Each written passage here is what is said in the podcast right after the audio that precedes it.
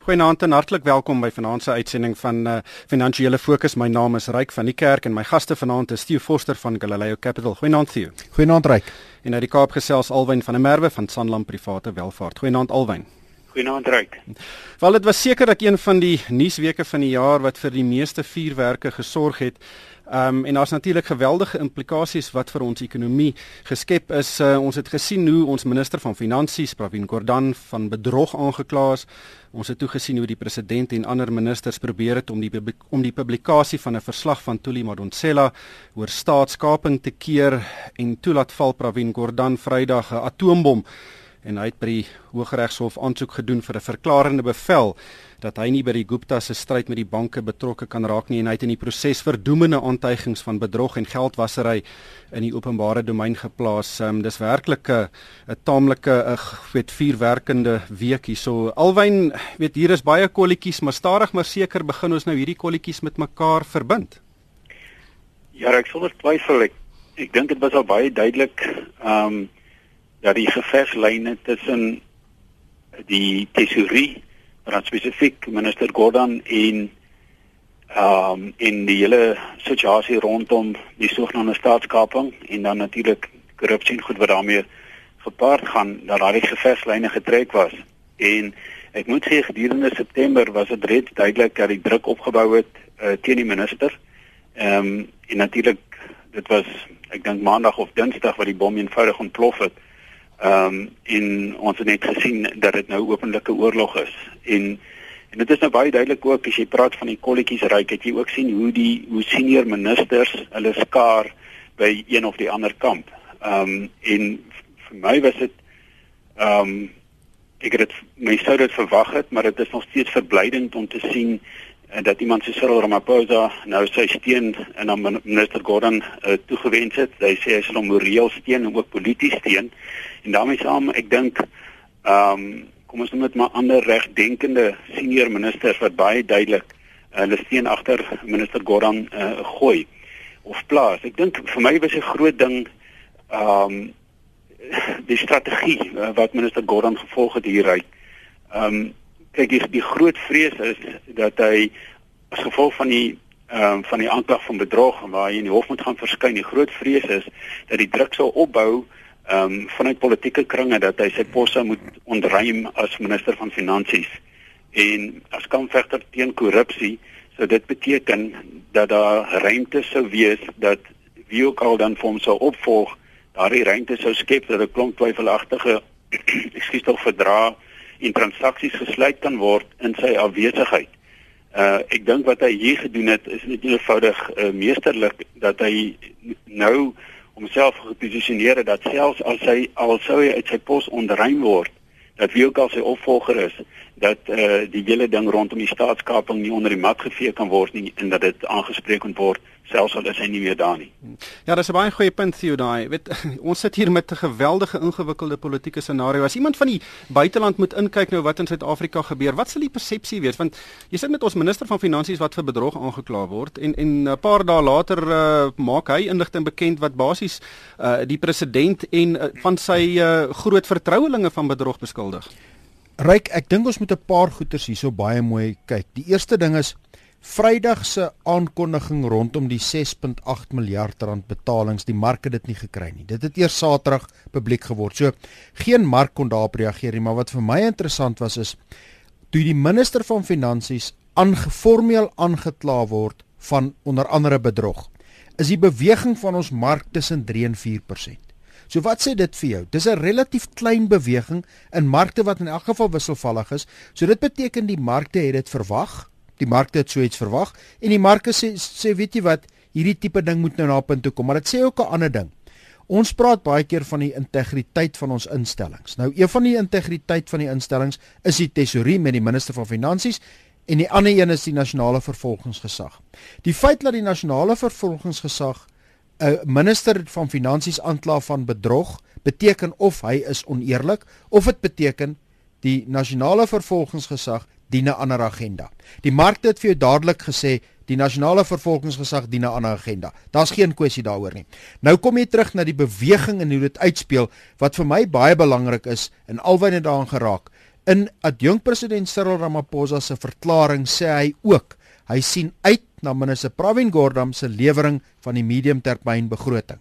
Hoekom is dit belangrik? Dit beteken hy hy heeltemal ondersteun hom nie net in woord en daad nie, maar hy sê ook ek sien uit ons kan nie van hom ontslaa raak ten minste tot die volgende groot gebeurtenis nie. Nou nou ek dink wat belangrik is van van daai gebeurtenis, onthou daai gebeurtenis is nadat die hierdie saak na kant toe begin gaan het. Sien wie wie kan hom uit sy werk uit wie kan hom skors? Is dit net die president wat dit kan doen? Sover ek weet dien hy in die minister sê dit nogal baie. Hulle dien basies um in terme van die president se aanstelling. Die president kan daai aanstellings maak of breek. En ek dink ons het al 'n paar keer gesien dat dis dit bly die president se prerogatief om sy ministers te ontplooi, terug te roep of weg te vat. En ek dink wat die vraag wat hier gevra word is as meneer die president van sy minister van finansies wou ontslaa raak dink ek het die minister van finansies Vrydag 'n verskriklike sterk pen in die grond gesit en gesê kyk as jy van my ontslaa raak dan is hierdie hierdie elemente het ligtheid gekry maar nommer 2 toe volgens my toe Cyril Ramaphosa hom ondersteun in die verklaring wat vanoggend uitgekom het, het hy so ver gaan om te sê ek sien uit na sy mediumtermynbegroting. Nou die punt van die saak is teen daai tyd is ons 10 dae of 2 weke verder in die, in die pad af en as jy gaan kyk na die verloop van die gebeure wat uitgestip het vir die openbare beskermer se verslag oor die staatskaping, dan loop dit oor daai tye. So ons begin nou kom by baie moeilike elemente as jy daai goed moet doen. Hmm. Alwen, kom ons gesels 'n bietjie oor die markte. Weet, ehm um, Theo het bietjie vroeër daarna verwys. Die mark het regtig nog nie gereageer op wat ons uh, op die nuus wat Vrydag uh, in die openbare domein geplaas is nie. Wat dink jy gaan môre met die met die rand gebeur? Ja, dit is 'n dit is dit is 'n goeie vraag. Ek ek dink net na my mening in in CEO definitief nou daaraan geraak ook. Ek dink die die feit dat die feit dat hierdie feite nou nie openbaar is, ehm um, dat dit aangespreek moet word. Ehm um, die feit dat Cyril Ramaphosa sy steun tot die minister gegee het en ook ander uh, na my mening ministers wat ehm um, hulle poste met waardigheid klee, beklee ehm um, behoort vir die mark eintlik te sê ten spyte van die, van die stryd wat tog nou baie duidelik is aan die gang is ehm um, dat die kom ons sê nou maar die goeie ouens ehm um, dat dat in elk geval die minister van finansies hier op die oomblik ehm um, in hierdie stryd ehm um, takties die voorsprong het. En as jy dan vir my sou vra as die rand die barometer gaan wees of die telbord van hoe hierdie stryd homself uitspeel, sou ek sê dat dit wat vandag gebeur het en na markte gesluit het Vrydag gebeur het, ehm um, meer positief as negatief is en ek sou sê dat die dat die rand eintlik 'n bietjie sou versterk. Maar nou, soos jy ook gesê het, ek dink nie mense moet noodwendig vuurwerke daar verwag nie. Die rand ehm um, het met die aankondiging toe ehm um, toe die vervolging van die van die minister aangekondig het, dat die rand verswak van 13.75 min of meer na na 14 rand 35 teenoor die dollar en hy het min of meer nog bietjie laer as dit verhandel. So die rand het nie vreeslik ehm um, bokspringe gemaak nie. Uh, en ek dink nie ons moet noodwendig verwag dat dat die rand verskriklik van uh, van sy vlakke gaan verander nie want want ek dink ook die mark besef ehm um, dat elke dag uh, hierdie stryd takties gaan ontplooi. Uh, maar maar definitief na my mening ehm um, die gebeure oor die naweek behoort eintlik die rand te steun eerder as om om dit swakker te maak.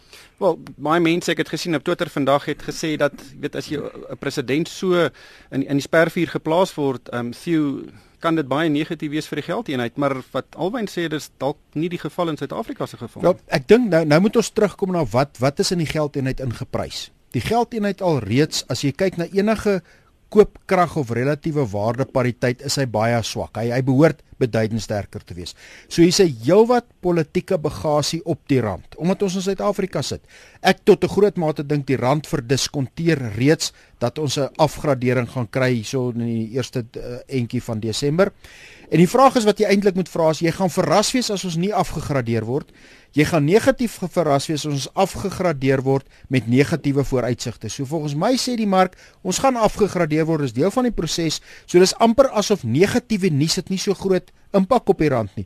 Wat eerder ek dink wat 'n groot impak kan hê en ek en ek hoop ek is uh, dit gaan gebeur en, en uh, ek dink die die van die kaarte begin so intoe wys is dat ons meer 'n positiewe uitkoms begin kry. Dit wil sê ons beweeg na 'n posisie wat soos alwyn gepraat het, die meer kom ons sê die rasionele besluitnemers wat Suid-Afrika eerste wil opstel, laat daai mense oor oorhand begin kry, dan kan ons hierdie situasie beduidend verander. Ek sien toevallig het UBS, die Switserse privaat bank het so 2 weke gelede aanbeveel aan kliënte om te begin oorgewig gaan in byvoorbeeld die rand en en en van die ander kommoditeits derde wêreld geldeenhede eerder en ondergewig gaan in Europese geldeenhede om 'n eenvoudige opbrengs in Suid-Afrika is hoër op ons kapitaalmarkte as daar maar dit impliseer dat ons politieke stabiliteit kry en dat ons nie hierdie irrasionele besluite kry wat wat jy in so 'n omgewing het nie.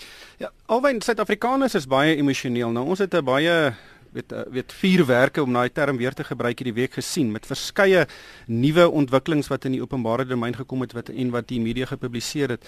Ehm um, as 'n mens nou 'n bietjie weet eh, in 'n helikopter klim en opstyg en bietjie net meer perspektief daaraan gee. Weet en mens mens, mens vat dit miskien van van verlede jare af toe uh, die president van Slanhlaneni afgedank het. Uh, weet toe het eintlik hierdie hele bal aan die rol gekom. Dink jy ons is naby aan 'n aan 'n eindpunt? Ehm um, is ons al oor die ho hoogste hek hekkie het ons al daaroor gespring. Hoe, hoe sien jy hierdie week se ontwikkelings in in 'n groter perspektief? Ja, as dit net vir die die ware ekonomiese prentjie moet moet opsom. Ek dink dat jy een of twee goed wat wat definitief meer positief is as jy kyk oor van die begin van die jaar af die rand 'n bietjie versterk. Dit beteken eh uh, dat die inflasiekoers het 'n bietjie beter uitgekom as wat meeste mense verwag het en dit plaas beslis ehm um, ek dink minder opwaartse druk op rentekoerse as daar nog mense sou dink dat rentekoerse verder sou kon styg dink ek die sterker rand en beter inflasie uitkoms uh haal daai um moontlikheid haal dit van die van die tafel af. Uh ek dink die ander ding wat ook gebeur het ryk is dat kommoditeitspryse lyk of hulle in elk geval nie verder daal nie of hulle gedraai het op die laer vlakke en ons moet onthou dat hoewel uh kommoditeite uh uh, 'n klein gedeelte van die totale BBP uitmaak, is dit is daar baie bedrywe uh, wat steun op op daardie sektor. En ek en ek dink dit kan beteken al is dit marginaal dat die ekonomiese groei dalk 'n klein bietjie beter kan wees as wat mense verwag het. So as jy vir my vra, as jy net na die ekonomie kyk en ek vergelyk dit met wat ons gehad het in Desember verlede jaar, dink ek is die uitkoms waarskynlik 'n klein bietjie beter as wat mense verwag het, maar is meer, wil ek amper sê, op buitelandse tendense en op makrotendense wat nie noodwendig deur beleidsvoering beïnvloed word nie. Jou probleem is met met hierdie skommelinge en hierdie oorlog wat tans homself uitwoed, dit is dit skep 'n groot klomp onsekerheid en en dit maak ekonomiese besluitneming vir maatskappye en ook ook verbruikers wat moet besluit oor hoe hulle geld uitgee, dit maak dit vir hulle moeilik want dit skep nie vertroue nie en dan gaan ek nie noodwendig geld uh, bestee nie. En ons moet sekerheid hier kry op die politieke vlak as ons wil hê dat dat besighede weer met vertroue gaan investeer in die ekonomie en dat verbruikers die geld wat hulle kan uitgee kan uitgee om die ekonomie aan die gang te kry.